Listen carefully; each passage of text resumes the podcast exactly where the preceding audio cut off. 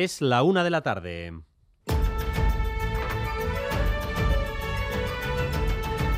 Crónica de Euskadi con Dani Álvarez. A Rachaldeón, Euskadi se afianza como la segunda comunidad autónoma con los sueldos más altos. El informe de la consultora ADECO dice que aquí cobramos de media casi 2.100 euros. 2.100 pero brutos. Eso sí, también estamos en el podium en lo relativo a la pérdida de poder adquisitivo.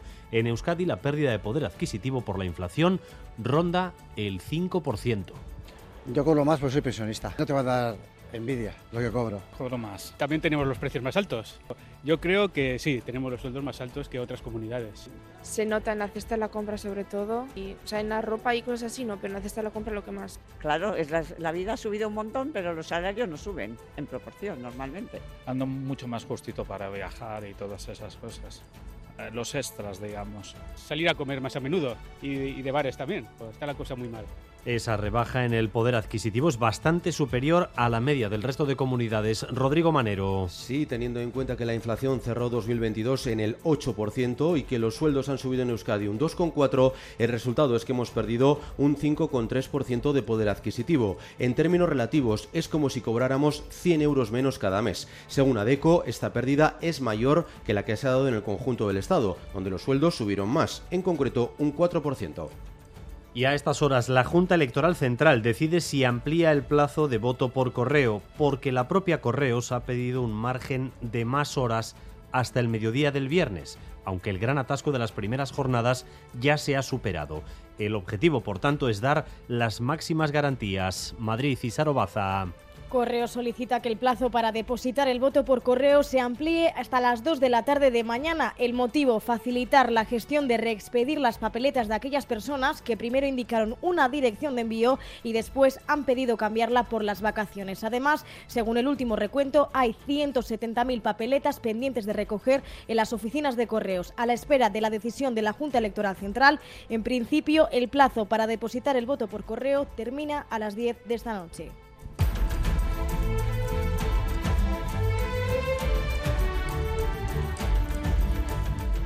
Tragedia en el pueblo burgalés de Poza de la Sal. Un niño de tan solo nueve años ha muerto ahogado en una piscina, María Cereceda. Aún no se explican cómo pudo pasar. El menor de nueve años estaba jugando en el agua cuando sobre las siete y media de la tarde la socorrista se dio cuenta de que estaba inconsciente. Se lanzó para sacarlo y allí mismo recibió una primera asistencia de dos enfermeras y un policía municipal fuera de servicio hasta la llegada de los servicios de emergencia. Dos horas de reanimación, pero no se le pudo salvar la vida. El niño estaba veraneando con su madre en Poza de la Sal. Son una familia vizcaína con raíces en el pueblo. El ayuntamiento ha cerrado las piscinas y ha suspendido los actos festivos del fin de semana para volcarse en apoyarles. Nombre propio. En la jornada de hoy, Kirmen Uribe recibe el premio Eusko Ikaskuntza al currículum más destacado de 2023. La entrega de premios es a las 5 de la tarde en el Euskalduna y él mismo nos ha dicho que este premio es todo un impulso a su carrera. Aún siento que tengo muchas cosas que decir, que tengo muchas cosas que escribir y, y tengo muchas cosas que hacer. Entonces lo siento más como, como un impulso, ¿no? Para seguir trabajando y tratando de, de, de elevar eh, al euskera pues lo más lejos posible. Kirmen Uribe, premio Eusko Ikaskuntza. Hoy también Beñat Garayo Mendizábal recibirá el premio Gazte por su proyecto de investigación sobre el euskera y la lengua maori.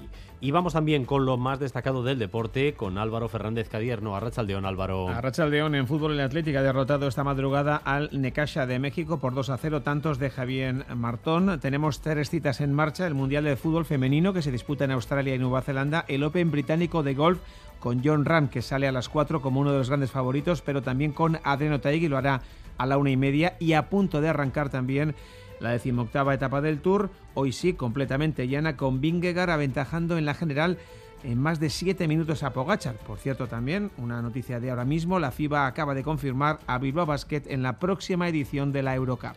También tenemos que hablar de lo que ha sucedido esta madrugada en la zona de Miramón, donde se ha registrado un incendio que ha calcinado nueve motos y un coche, David Beramendi. Sí, eran las doce y media de la noche cuando, por razones que se investigan, un incendio ha calcinado completamente un coche y hasta nueve motos aparcados en la calle Ramunene del barrio Donostiarra de Miramón. El fuego ha afectado a otros tres coches y a tres motos más. El incendio ha sido sofocado por los bomberos y ahora la Ertzaintza investiga qué ha podido ocurrir. A esta hora no hay detenidos. Por su parte, en Zumaya han ardido seis contenedores. Ha sido hacia las 5 de la madrugada en las calles Aitamari y Chominaguirre. En este caso no hay daños en fachadas ni en vehículos cercanos. En el tráfico, un único punto de atención a esta hora, siempre según el Departamento de Seguridad.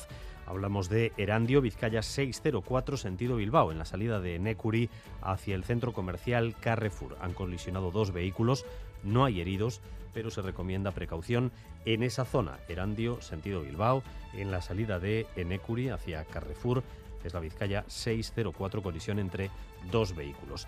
Tenemos 20 grados de temperatura en Vitoria-Gasteiz, en Bilbao, 19 en San Sebastián, 22 grados en Pamplona y un grado más 23 en Bayona. Pero ya ven ustedes que no hay cambios relevantes en lo meteorológico. Continuamos con cielos encapotados en casi todo el país y no se descarta que por la tarde puedan abrirse algunos claros, pero lo cierto es que el mapa indica que la lluvia podría hacer acto de presencia antes de que acabe el día en algunas de nuestras comarcas. Como siempre hacia el interior, o como habitualmente, los cielos más despejados, pero, insistimos, sin cambios significativos. Gracias un día más por elegir Radio Euskadi y Radio Vitoria para informarse. Aitor González y Joseba Urruela se encargan de la dirección técnica, Aitziber Bilbao de la coordinación. Crónica de Euskadi con Dani Álvarez.